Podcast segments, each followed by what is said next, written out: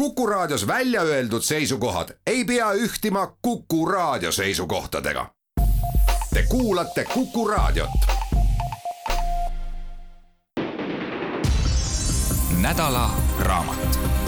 Fareed Zakaria, kümme õppetundi pandeemiajärgsele maailmale. Postimehe kirjastuselt.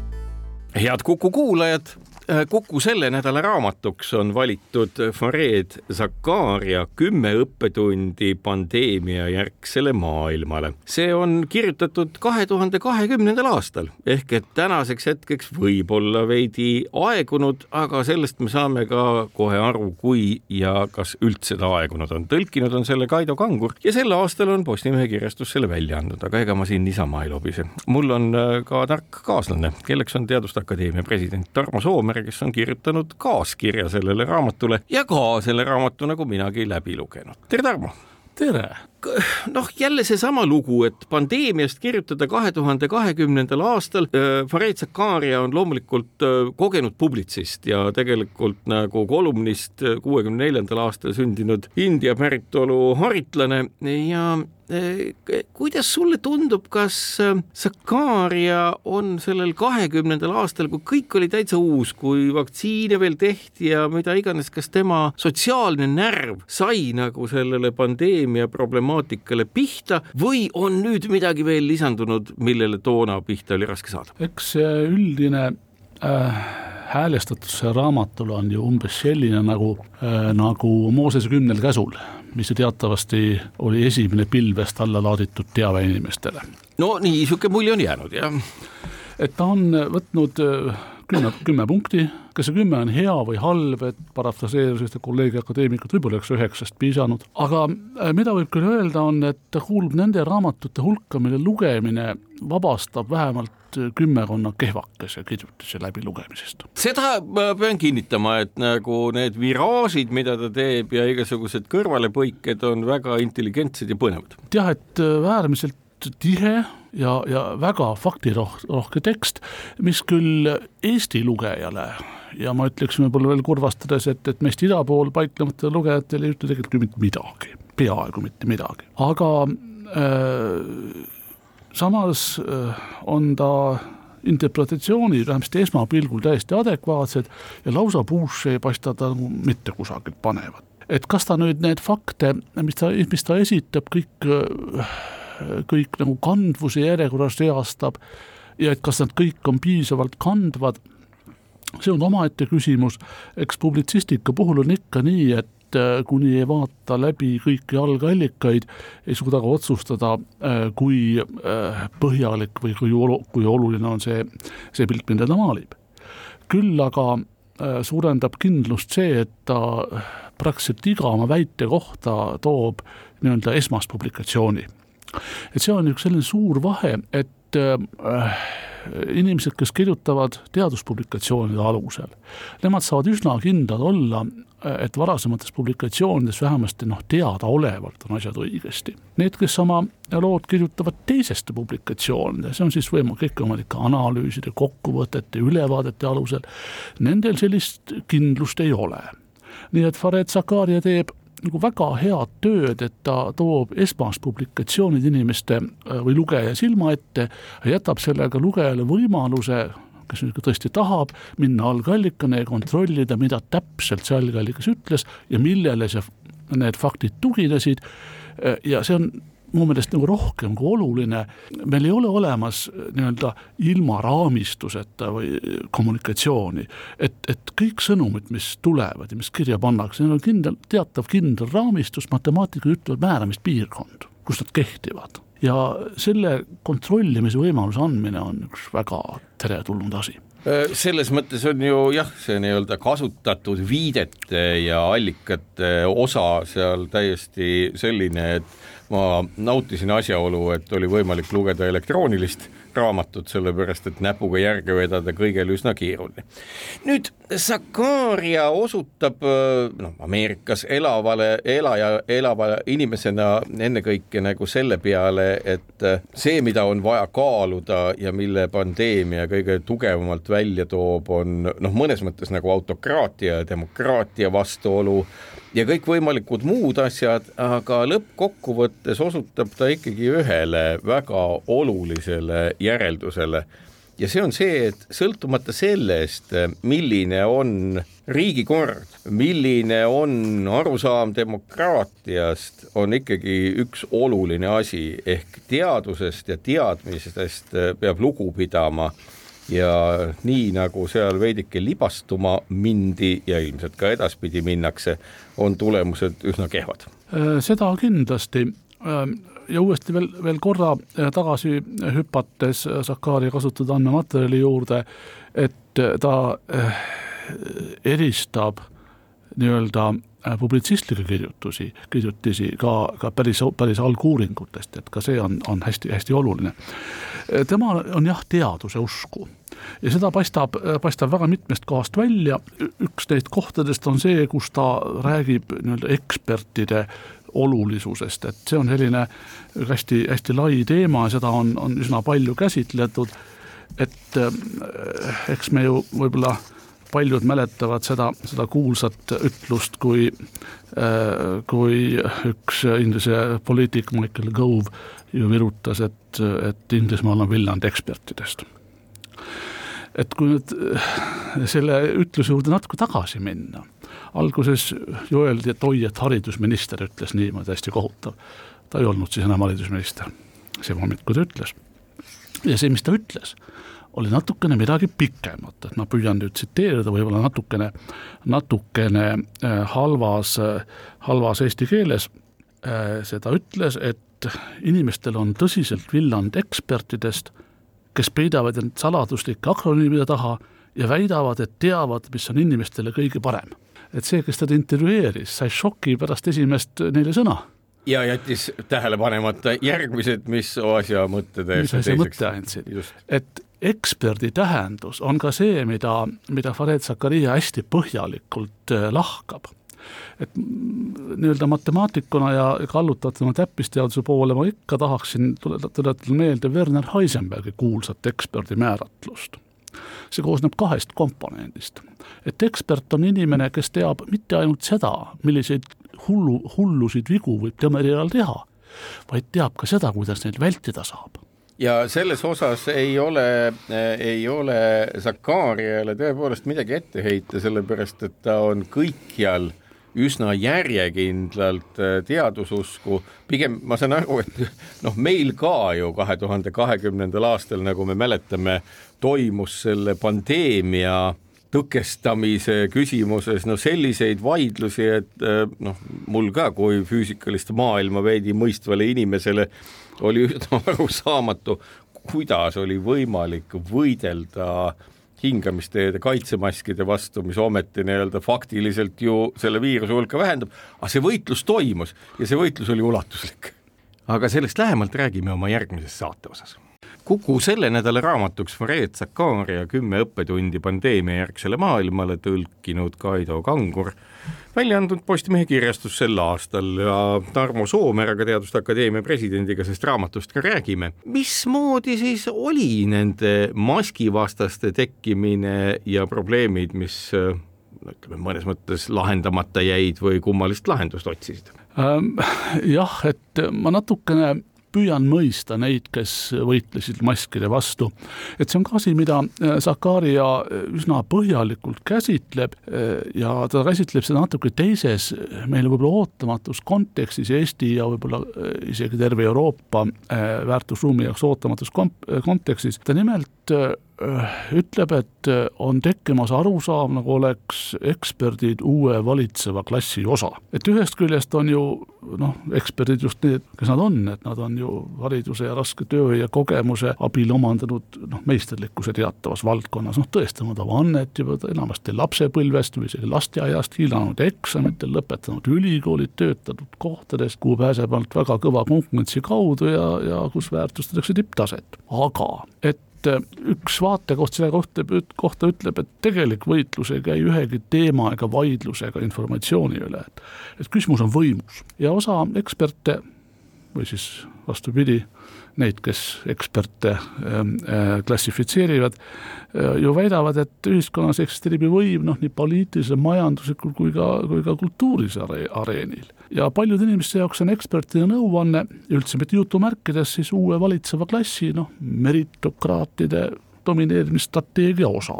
et äh, sellist tüüpi arvamust ei saa otseselt ka ju, ju hukka mõista, et tõsi ta ju on, et et kes tahab olla edukas, see kasutab tarkade inimeste nõu ja me ju teame, et kaasaegsed, kaasaegsete riikide eh, konkurentsivõime aluseks on nende võimekus saada oma parimatelt tütardelt ja poegadelt kätte uusim teadmine, mille alusel otsuseid teha. Nii et ekspertide teadmine on orgaaniliselt eh, mitte ainult kultuurilise või teadmu-, teadmissfääri, vaid ka riigi valitsemise sfääri osa. sellest ei saa üle ega ümber ja loomulikult on ta majandusliku konkurentsi äh, sfääri osa, aga et äh, just tagasi põrgates sinna juurde, et, et mida siis tähendab see noh, meritokraatia, uus valitsev klass, äh, et muidugi lähevad mõned ühiskonnad äärmusesse, nagu Zakaria ise ütleb, et näiteks äh, veel paarkümmend aastat tagasi kiitles Taiwan valitsuse kus, seitsekümmend protsenti ministritest olid doktorikraadiga ja neist kuuskümmend protsenti saanud selle USA ülikoolidest, et äh, täiesti mõistetav on, et no aga ega teisalt jälle ju neil väga kehvasti ka siis ei läinud ehk et mingit väärtust sealt juurde ei ole tulnud. ma saan aru, et nii-öelda see meritokraatia äraadumine inimeste poolt ongi nagu põhjuseks, kus äh, protestitakse iga kui meritokraatlikult siis inimeste arvates välja toodud noh, sellise vapi eseme või regaali vastu, näiteks maskide vastu, mis oli täiesti spontaanne reaktsioon ühiskonnas täpselt, et äh, inimeste protest ei ole ju mitte niivõrd äh, nende arvamuse materialiseerimine nii-öelda kultuuri- ja väärtusruumis, et kaasaegse sotsiaalteaduse noh, lõviosa või kandev osa ütleb, et inimesed protestivad siis, kui neil on kadunud usaldus konkreetse valitsuse, valitsuse valitsemissüsteemi vastu et protest on otseselt, otsene funktsioon usaldamatusest oma valitsuse valitsemissüsteemi vastu ja valitsuse tegevuse vastu. ja selles mõttes on on protest ekspertide arvamuse vastu noh, üks osa sellest kultuurilise ja, ja väärtus, kultuurilises väärtusruumis toimuva konkurentsi edenemisest. ja mingis mõttes on see väga hea, et neid küsimusi küsitakse. ja küsitakse ka seda, et kes siis on ekspert lõpuks ja ma läheks ikka tagasi Werner Heisenbergi juurde mis osas oli teil loomulikult õigus ja see, see ongi, ütleme niimoodi, et äh, Sakaria üks äh, vapustavamaid osi, et äh, olles küll ühtepidi ju täiesti teadususkne inimene, näitab ta seda, kus äh, Äh, teaduslikest väidetest saab ma ei oskagi öelda, kuidas nagu täpsemalt, kas siis ülejala käsitletult või pealiskaudselt esitletult, siis ühtäkki täpselt see, mida sa kirjeldad, osa võimust, osa võimu ähm, noh, kuidas ma ütlen, tunnustest ja protest on täiesti spontaanne. umbes nagu laps jonnib, aga ega ühiskonnas sellised jonnimised ju kuhugi kadunud ei ole äh, see on suurelt jaolt äh, kommunikatsiooni probleem. et äh, ekspertlust seas seostatakse kõige rohkem ikka teadusega, et ekspert on ikkagi see, kes on äh, oma eriala fundamentaalsetes küsimustes hästi kodus, selle ära õppinud alates kooliõpikutest ja ennekõike ülikooli õpikutest ja siis viimaste, viimaste saavutusteni välja. et see tähendusnihe, millega me oleme hädas, on ju on ju väga lihtne, et teadus äh, ei paku ja ei ole tegelikult väga pikka aega enam pakkunud ju lõplikku tõde no mida ka ei ole olemas, nagu me teame. Äh, noh, et äh, mõni on, näiteks see, et Pythagorase teoreem kehtib ainult lapikul maal, aga sellest ei järeldu, et maa oleks lapik. see, mida teadus suudab pakkuda, on parim olemasolev informatsioon ja, ja, ja väga hästi organiseeritud moel ja, ja eh, see parim informatsioon väga sageli ei anna ühte vastust et ka sellest räägib Zakaria hästi kenasti, rääkides küll kahepoolulisusest, aga, aga veel mitmes kohas oma, läbi oma raamatu, et meil ei ole paljudele küsimustele ühte ja õiget vastust. on küll tohutu hulk valesid, aga ühte õiget ei ole, on palju võimalusi, on palju alternatiive. viidates ka Margaret Thatcheri Taina ähm, hüüdnimele There is no alternative. Aga sellest räägime juba oma järgmises saate osas kogu selle nädala raamat, mida me tutvustame, on Fareed Zakaria kirjutatud Kümme õppetundi pandeemiajärgsele maailmale. raamat on algselt ilmunud kahe tuhande kahekümnendal aastal, kui pandeemiat veel lõppemas ei nähtudki. tegelikkuses, nagu teame, tõlkinud on selle raamatu Kaido Kangur ja räägime Tarmo Soomeraga, Teaduste Akadeemia presidendiga sellest, mida sealt raamatust lugeda on ja sealt on üllatavalt palju teada. kuidas siis äh, on selle nii-öelda teadlaseks olema ja olemise ja teadurlusega kogu selles, kogu selles küsimuste ringis, kus, mida Sakaria ju ka väga selgelt ütleb, et vaadake, et ega meie tulevik ongi täpselt selline, nagu me ise otsustame, et meil ei ole mingit saatust, meil ei ole mingit ettemääratust, et täpselt sellised otsused, nagu me ühel või teisel ajahetkel teeme nende teadmiste pealt, selliseks meie tulevik kujuneb. täpselt, Sakaria püüabki selgitada ja kui ta selgitab, äh, äh, keda peaks kuulama ja kes peaks kuulama ja ta jõuab siis teadlust, teadlaste ja ekspertide juurde, siis juba pealkirja tasemel ta ütleb, et äh, see asi on vastastikune. inimesed peaksid kuulama eksperte ja eksperdid peaksid kuulama inimesi see on vastastikune. see, see ole... oli vist ka, kui me meenutame kahe tuhande kahekümnendat aastat, siis oli see üks nagu lausrääkimise aeg ka Eestis, kus mitte keegi mitte kedagi ei kuulanud. või noh, ütleme niimoodi, see on utreeritult, aga see ilming paistis ka siin välja. jah, see ilmselt oli afektiseisund nii sügav, et, et sundis inimesi oma sisimas kõige sügavamaid hingesaladused avama ja hinges ei olnud siis ruumi uute emotsioonide jaoks, et see, mis sees oli, tuli välja lasta seda võetakse auru väljalaskmiseks, nii see käis. mis selgus teatava kõrvalepõikena, et väga tõsiselt ka Euroopa Komisjoni tasemel vaadati, et mida siis tähendab noh, teadusnõustamine ja, ja mida see, mida see endas sisaldab. juba enne pandeemia algust sai selgeks, et, et kui antakse nõu äh, valitsusele või ministritele või, või kantsleritele, see nõu tuleb lahti rääkida ka inimestele. et kui sa panna hästi lihtsasse meemi, kui tahad veenda peaministrit, veena tema valijaid no see võiks väga hästi toimida, lihtsalt küsimus on selles, et vahel juhtub ka niimoodi, no õnneks mitte väga demokraatlikes riikides aga on ka riike, kus peaministrit üldse ei koti, mida tema valijad arvavad. jah, et meil on siin, siin näiteid olemas suhteliselt lähedalt, aga ma siiski tuleks tagasi nüüd selle juurde, et mida saavad targad inimesed taolistes situatsioonides pakkuda ja mida nad ei tohi pakkuda. et teadus taolistes situatsioonides kujutab endast mitte niivõrd faktide kogumit, valmis faktide kogumit, kuivõrd see on uurimismeetod see on teatav äh, viis, kuidas püstitada küsimusi ja, ja kuidas testida hüpoteese. ja lootus on see, et uute ja paremate andmete toel me jõuame ükskord paremate järelduseni. aga et kui, kui me vaatame tagasi äh, nüüd umbes, umbes täpselt kaks aastat äh, tagasi olnud situatsioonile, kus järsku kõik, kes varem olid energeetikaspetsialistid, said järsku harrastusviroloogideks ja just see tohutu soovituste mass, mis hakkas siis järsku keerlema ja punduma nagu, nagu vabandust, tualetti visatud pärmipulk.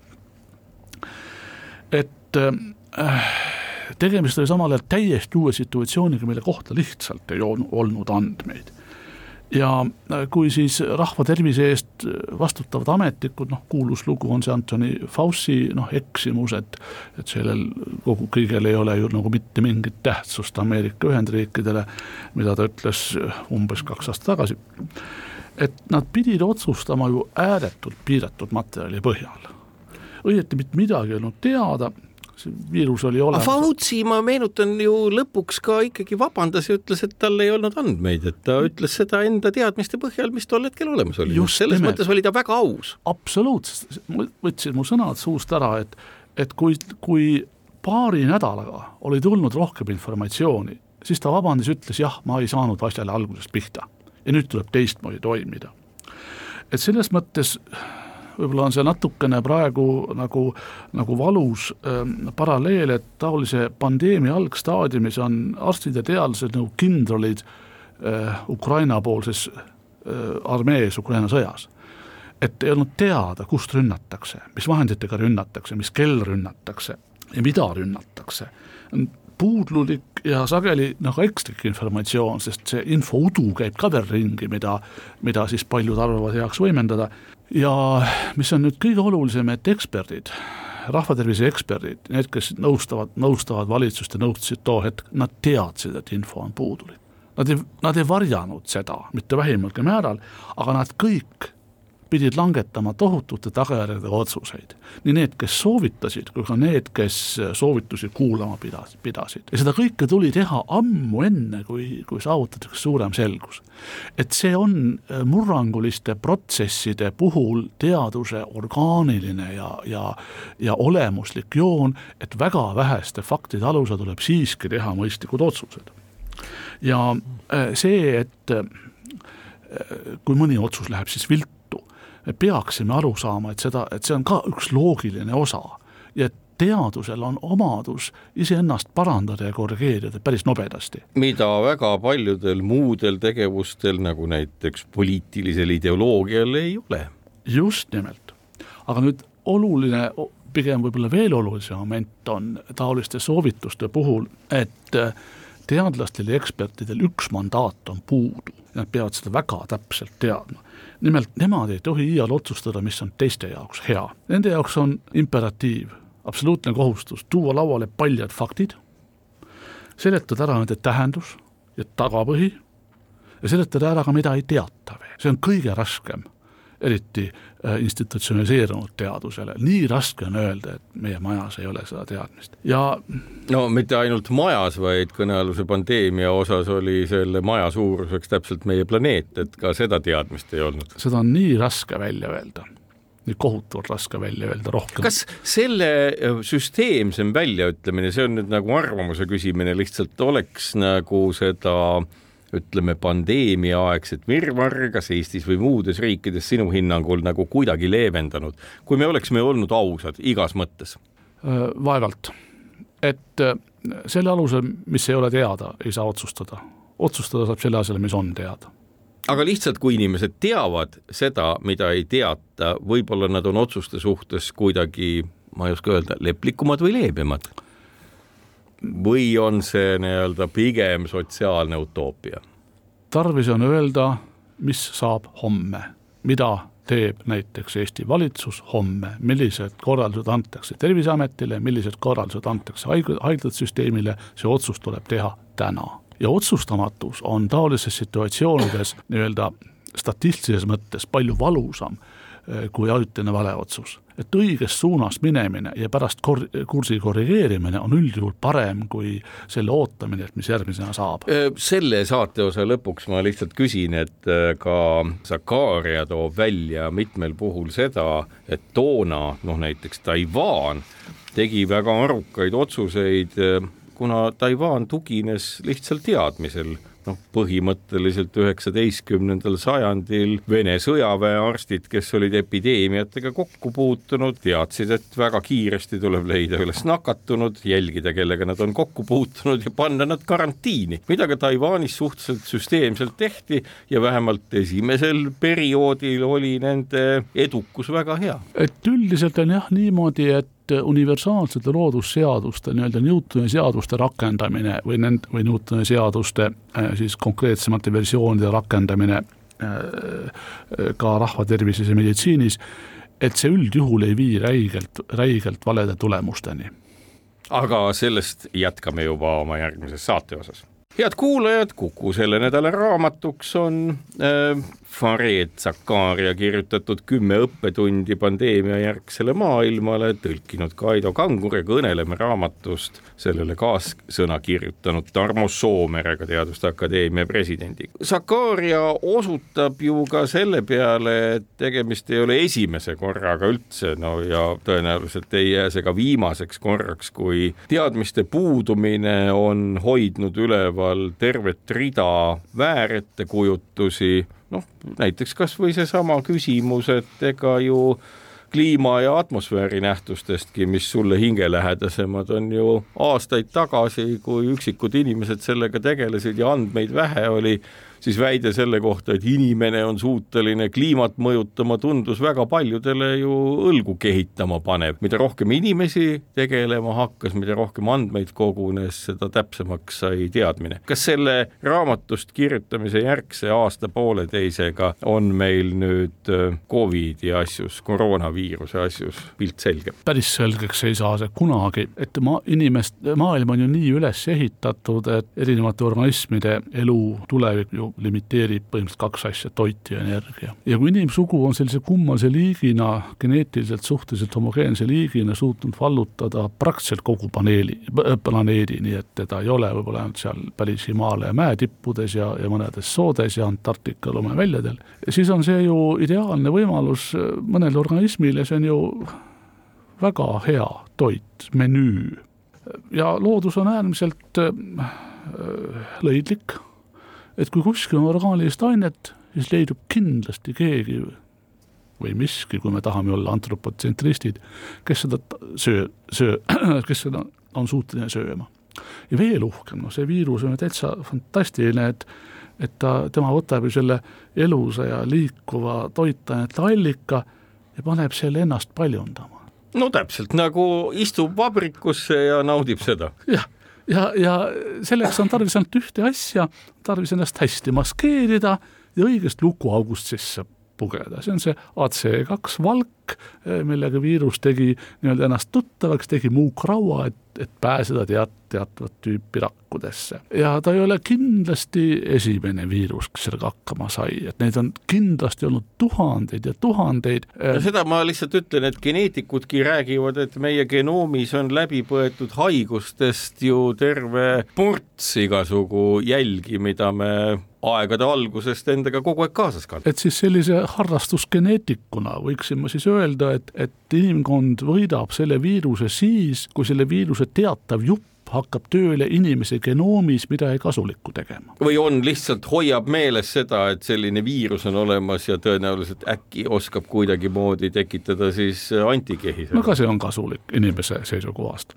nüüd miks on taolisi, taolisi hüppe gripeid olnud nüüd suhteliselt palju viimasel ajal, olgu see Hispaania gripp sada aastat tagasi või ka, või ka mitmeid teisi, teisi asju, selleks, et äh, viirus saaks, saaks ühe liik, ühte liiki panna ennast väga hästi paljundama. selleks on jämedalt öeldes vaja linnakeskkond, suurt, edukat, tormilist paikavust, tulvil inimesi, kes omavahel kontakteeruvad. muide, hoopis teisest ooperist kõnelesin siin just äh, paleogeoloogidega, kes rääkisid sama asja, et äh, neljateistkümnendal sajandil siia Euroopasse ei tea kust arvatavalt äh, Krimmi poolsaarelt jõudnud kat-, äh, kroonikud kirjeldasid seda, kuidas inimesed linnades surid. õietolm räägib meile hoopis muud juttu, et linnades võib-olla surdi tõesti, aga maal elasid inimesed rahulikult edasi, ehk et nii-öelda seesama linna ja mittelinna ehk hõreda asumise nii-öelda möödapääsmatus tundub olevat oluline. see on füüsikaseaduste kohaselt nõnda,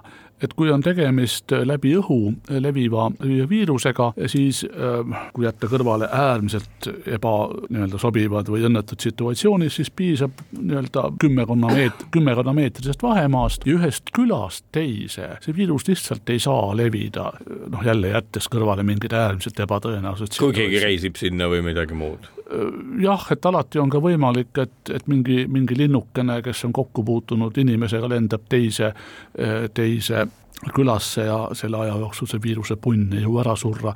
aga need situatsioonid, nende tõenäosus on nii väike, et, et need ei, ei vii pandeemiani ei saa, ma julgeks öelda, et külades elati rõõmsalt edasi, oli küll, küll neid külasid, kus, mis surid kat-, katku tõttu välja ja tuleme siia Eestimaale, katk ikka viis ikka väga palju inimesi teisi ilma, Eestimaa jäi ikka suhteliselt tühjaks pärast tõsist katku, et selles mõttes äh, tulles tagasi nüüd, nüüd linna juurde, et viirused, mis levivad läbi õhu, vajavad sidusat populatsiooni, nad vajavad tegelikult kallistamist kõige rohkem. ja, või ühistransporti, metrood, tihedaid koole, väikseid kohvikuid, kõike seda, mida, mida, mida on ju algusest peale teada olnud.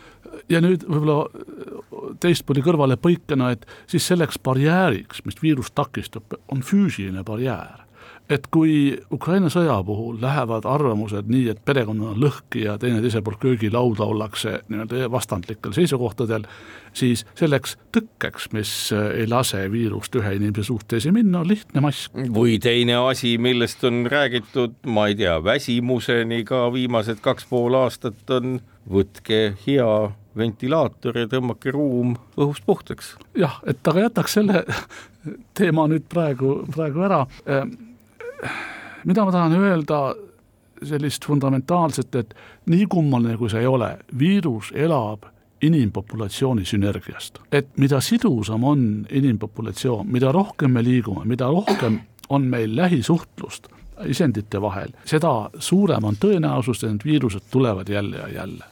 aga positiivne külg on siin, siin, siin see, et me saame hakkama see, et meil on võimekus mõne kuuga, tegelikult mõnede nädalatega püsti panna vaktsiin, mis selle konkreetse viiruse vastu teeb inimese eh, vastupanuvõime nii-öelda noh, üheksakümne, üheksakümne protsendi peale. et tehnoloogias oleme nii kaugel, et ükski viirus, mis ei tapa kohe, ei ole inimestele, inimkonnaliku populatsioonile ohtlik, me saame hakkama. Ja see, mida me ju näeme ja mis tekitas siin ka turbulentsi ja, ja informatsioonilist kakofooniat, on, on hirm tema ees. et hirm tema ees on, on suurem lõhe, lõhestaja, kui viirus ise kunagi suudaks aga see ju tulebki teadmatusest, noh, asjaolust, et me ei tea, siis teistpidi see, mida ka Sakaria näitab, et äh, teadmatus tekitab täpselt sellesama vastuseisu ükskõik kellele, kes väidab, et ta teab midagi. Ja siis ongi selline, kuidas ma ütlen, niisugune üsna keeruline virvarr, kus needsamad inimesed, see Ukraina sõja näide on väga hea, kus erinevas inforuumis olijad lihtsalt polariseeruvad ja mõjutavad sellega oma igapäevaelu ja tulevikku. jah, et Zakaria siin toob äh, äh, näite Saksamaast ja Ameerikast. Ameerika suhtes on ta millegipärast väga karvane, võib-olla tal on põhjust, võib-olla see asi ongi niimoodi, aga ta äh, äh, nii-öelda kirjeldab, mis tema meelest on ekspertide jaoks parim teguviis. ja parim teguviis on see, et eksperdid peaksid aitama avalikkusel mõista, kuidas nende valdkond töötab, kuidas teadus selles valdkonnas tegelikult töötab. et on väga erinev matemaatiline tõestus Pythagorase kohta ja äh, tõestus, et konkreetne vaktsiin aitab viiruse vastu ja on inimesele kahjutu. et äh, on äärmiselt lihtne teha nii-öelda teadusvingeks, seda ütleks populariseerimiseks. selle peamine eesmärk on, on just, just teha selgeks, et teadus on teadus on kõikvõimas. jah, punkt see ei ole vist kõige parem viis teadust populariseerida. kindlasti ei ole, teaduse kommunik-, kommunikeerimine on, tähendab midagi täiesti muud.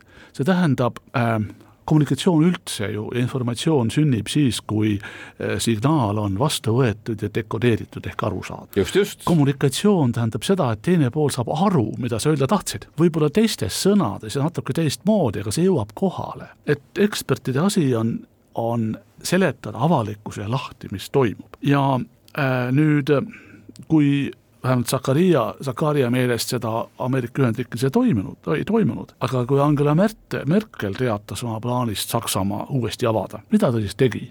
ta läks riigitelevisiooni ja andis loodusõpetuse tunni televisioonis ja seletas seda, et kui viiruse nakatumiskordaja on üks, siis tähendab seda, et äh, iga nakatunud inimene, enne kui ta parandab, nakatab veel ühe ja see ahel ei lõpe enne, kui kõik on nakatunud ükskord või ära surdud. ja kui nakatumiskordaja on üle ühe, siis kasvab nakatunute arv kiiresti ja, ja isegi kui inimesed ei sure, siis tervishoiusüsteem koormub üle. sellega ta selgitas ühiskonnale, mida see tähendab, et, et inimesed nakatuvad ja kui oluline on see, et, et vähem nakatataks. et riigijuht läheb riigitelevisiooni ja annab loodusõpetuse tunni. aga sellest räägime edasi oma järgmises saate osas. head kuulajad, selle nädala raamat Fareed Zakaria kirjutatud Kümme õppetundi pandeemiajärgsele maailmale, tõlkinud Kaido Kangur, sellel aastal Postimehe kirjastuse välja antud ja räägime sellest raamatust Teaduste Akadeemia presidendi Tarmo Soomerega. see näide eelmises äh, osas kuidas Angela Merkelil oli hea anda loodusõpetuse tundi, tema haridus ja senine tegevus füüsiku ja keemikuna oli täiesti piisav, et seda veenvalt teha. Ameerikas äh, olnuks natukene raske, arvestades sealse presidendi nii-öelda tausta, aga samas peab ütlema, et ega tervisenõunik Fauci seal ikkagi püüdis väga tugevalt täpselt sama asja teha ja ma arvan, et tema edu oli ka üsna hea jah, et Sakaria kohta võib seda öelda, et ükski prohvet pole kuulus oma maal ja, ja vähe on neid, kes oma valitsust armastavad, et see on ka meie põlvkonnal hästi teada, et, et seal on hea, kus meid ei ole Sakaria iseenesest, vähemalt tema Vikipeedia artikkel ütleb, et ta on selline tsentrist, nii et noh, Ameerikas ta ei saagi, ta peabki olema mõlema poole suhtes üsna karvane.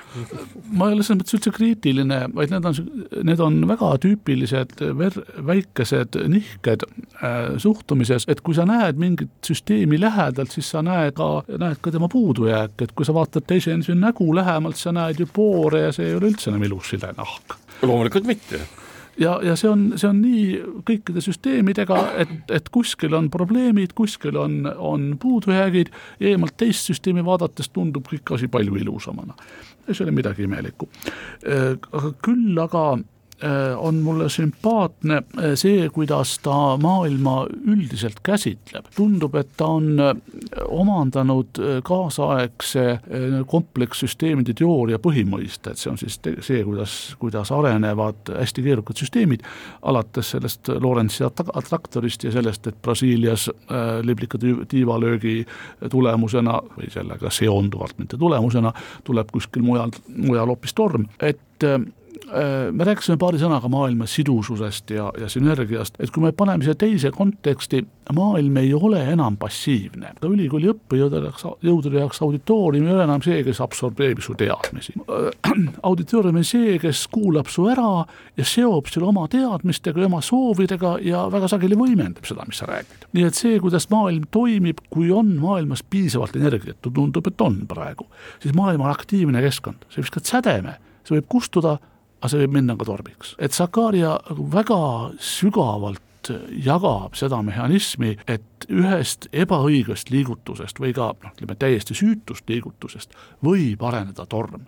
see on kaasaegse maailma eripära ja see on seotud sellega, et, et meil on, meil on linnad, meil on mitte ainult linnad, meil on globaalne küla, mis on samade sõnadega, see on suur, edukas, tormiline paik, küll inimesi ja energiat. üks asi, mida ta loomulikult ütleb, et ka meie olevik, rääkimata tulevikust, et see on igas mõttes digitaalne ehk infovahetus toimub veel pöörasema kiirusega kui pelgalt linnades, kus inimesed lihtsalt kokku puutuvad, et see globaalne küla ja see digitaalsus sinu kirjeldatud neid samu võnkumisi ju veelgi rohkem võimendab. jah, et see digi-, digitaalsuse värk on, äh, on võib-olla asi, mille tuleks jät-, mille tuleks jätta selle ala ekspertide äh, otsustada et tehisintellekt on praegu suuteline noh, mängima paremini malet kui kes iganes, et ta on suuteline ka seda Go mängu omandama, mida on peetud kõige raskemaks ja võitma keda iganes ja veel sinna ka nii kaugele, et teine tehisintellekt, kes vaatab pealt, kuidas esimene kood mängib, suudab seda esimest varsti võita. Ähm, et äh, need asjad on nagu, nagu hästi loomulikud, et nad, et nad tulevad ja tekivad, aga äh, samal ajal on, äh, on Zakaria nagu ka väga, väga selge positsiooniga, et see kõik on väga ilus, kõik on väga tore ja, ja infouputus, infouputuses on võimalik nina vee peal hoida, aga ta äh, seab küsimuse hoopis teistmoodi lõpuks, et ta ütleb umbes niimoodi, et mida targemaks saab masin andmete analüüsimisel ja, ja vastuste andmisel. ja seda enam sunnib see meid mõtlema sellele, et mis on meis ainulaadselt inimlik. et äh, tegelikult võivad intellektsed, intelligentsed masinad panna meid enn-, ennast veel rohkem väärtustama väärtustama oma, oma, oma inimsust või inimlikkust ja äh, et see, mida tõenäoliselt on väga raske masinatel omandada, võib-olla, võib-olla tehniliselt on, äh, on äh, mitte ainult loovus või fantaasia, aga see on inimese orgaaniline osa, on ettearvamatus. Me teame MEF-i seadusest, et äh, kui tahes täpselt kontrollitud välistingimuste puhul käitub organism täpselt nii, nagu ta ise tahab. see on äh, filosoofiline kategooria, mida, mida otsitakse ja mille üle analüüsitakse kõikvõimalikke andmeid ja käitumisakte, selle nimi on vaba tahe mida me näeme enda ümber toimimas päris erinevate asjade puhul. jah, ja mida me oleme näinud väga selgelt toimimas ähm, vaktsineerimisvastase, vastaste liikumise puhul. just, ei tea kust, ei tea mis argumentidel, mõnes mõttes enam-vähem samasuguse kummalise väljamõeldimise, mõtlemisega nagu, nagu naaberriigi president on välja mõelnud oma uue ajaloo, on tuldud ka sellise nii-öelda mütoloogilise looga. Aga minnes tagasi siin meie vestluse alguse juurde, kui see dimensioon ära kaoks, siis oleks midagi väga halvasti. keegi peab vastu olema, sest teistmoodi ei ole, ei ole võimalik inimene edasi areneda, äärmiselt lihtsa mõtte, mõtte kaudu, see on asjad Kasimovilt ja igaviku lõpust. et me vajame kõik, kogu inimlike arvamuste spektrit, kui me mingi osa ära lõikame, sellega me vähendame inimeste kui liigi ellujäämise šansse me ei tea, milline arvamus on maailma lõpust vaadates õige. Ja me ei tohi võtta inimpoolt ära võimalust mingit arengustsenaariumit äh, mitte rakendada. lisaksin sinna veel juurde, et äh, mis järeldub sellest raamatust, üle jääb vaid üks, olla tark ja õppida neitest, kes näevad kaugemale, sest tulevik on ikkagi meie enda teha. Need olid mõtted Fareed Zakaria raamatust Kümme õppetundi pandeemia järgsele maailmale kuulake edaspidigi Kuku nädala raamatusarja ja kaunist päeva ja mis peamine, head lugemist ja mõtlemist teile. nädala raamat. Fareed Zakaria, kümme õppetundi pandeemiajärgsele maailmale Postimehe kirjastuselt